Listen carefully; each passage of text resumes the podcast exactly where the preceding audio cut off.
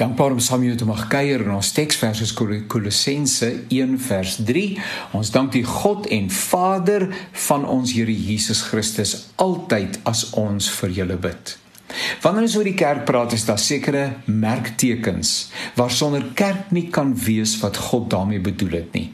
Kerk is inderdaad 'n vreemde verskynsel in hierdie wêreld. Ons verteenwoordig gestel waardes wat vreemd is aan die wêreld se manier van dink en doen. Toegegee daar is nie gelowiges wat voorbeeldige lewens lei. En soms laat hulle 'n mens verleef voel oor die gebrek aan toewyding wat in jou lewe is.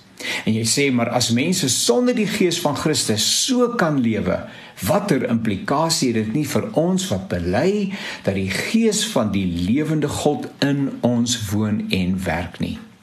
As soekers na die waarheid en die volheid wat in Christus Jesus ons geskenk word, is ons egter voortdurend afhanklik en aangewese op die Gees om die karakter van Jesus in ons na vore te bring. Vader, Seun en Heilige Gees, onverstaanbaar maar waar. Dis hoe ons hom in sy woord leer ken. Die Vader is nie die Seun nie, die Seun is nie die Gees nie, so kan ons aangaan, maar in alle opsigte is hulle een. Die kerk sonder Jesus kan nie kerk wees nie. Sonder die Gees is daar ewenigs nie sprake van kerk nie en dit geld ook vir die Vader. Ons praat, preek en sing van God en dit hoort so. Ons moet egter ewenigs moeite doen om die drie eenheid in hulle eie soortigheid, soos wat hulle hulle aan ons bekendstel, na vore te bring. Die Vader van ons Here Jesus Christus is ook ons Vader. Wanneer Jesus se disippels leer, begin hy met ons Vader. Wanneer Jesus getuig, verwys hy voortdurend na sy Vader. Die Seun word uitgespreek in die naam van die Vader, die Seun en die Heilige Gees. Romeine leer ons dat die Vader nie ver is nie, maar intiem naby, naby soos vir 'n klein seentjie wat sy pappa aanspreek.